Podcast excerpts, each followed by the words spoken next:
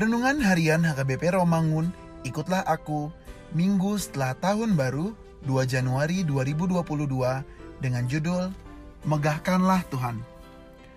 Kebenaran firman Tuhan yang menjadi ayat renungan kita hari ini tertulis dalam Mazmur 147 ayat 12 sampai 20 yang berbunyi Megahkanlah Tuhan, hai Yerusalem, pujilah Allahmu, hai Sion, sebab ia meneguhkan palang pintu gerbangmu dan memberkati anak-anakmu di antaramu. Ia memberikan kesejahteraan kepada daerahmu dan mengenyangkan engkau dengan gandum yang terbaik.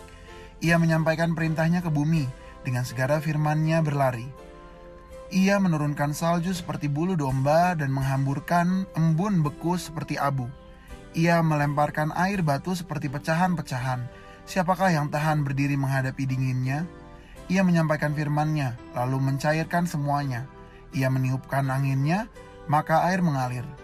Ia memberitakan firman-Nya kepada Yakub, ketetapan-ketetapannya dan hukum-hukumnya kepada Israel.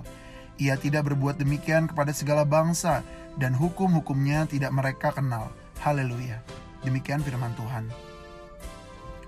Mazmur 147 ayat 12 sampai 20 adalah seruan dan ajakan pemazmur bagi Sion.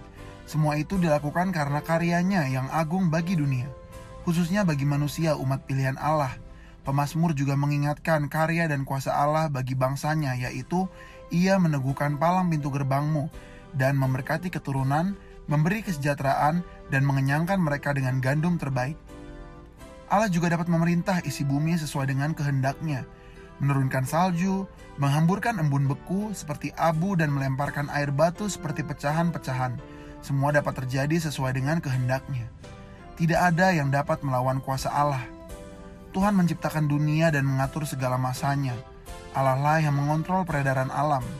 Jika bumi masih berputar dan mengelilingi matahari, itu semua karena Allah mengontrol dan memeliharanya.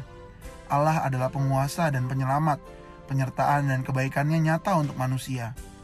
Tuhanlah memampukan kita melalui tahun 2021 suka maupun duka, baik sehat maupun sakit, baik sukses maupun berhasil.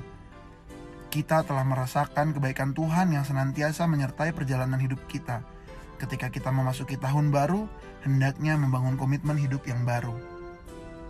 Marilah kita berdoa. Kami mengucap syukur untuk semua kebaikan Tuhan yang kami rasakan di tahun 2021 dan kiranya Tuhan jugalah bersama kami sepanjang tahun 2022 ini. Amin.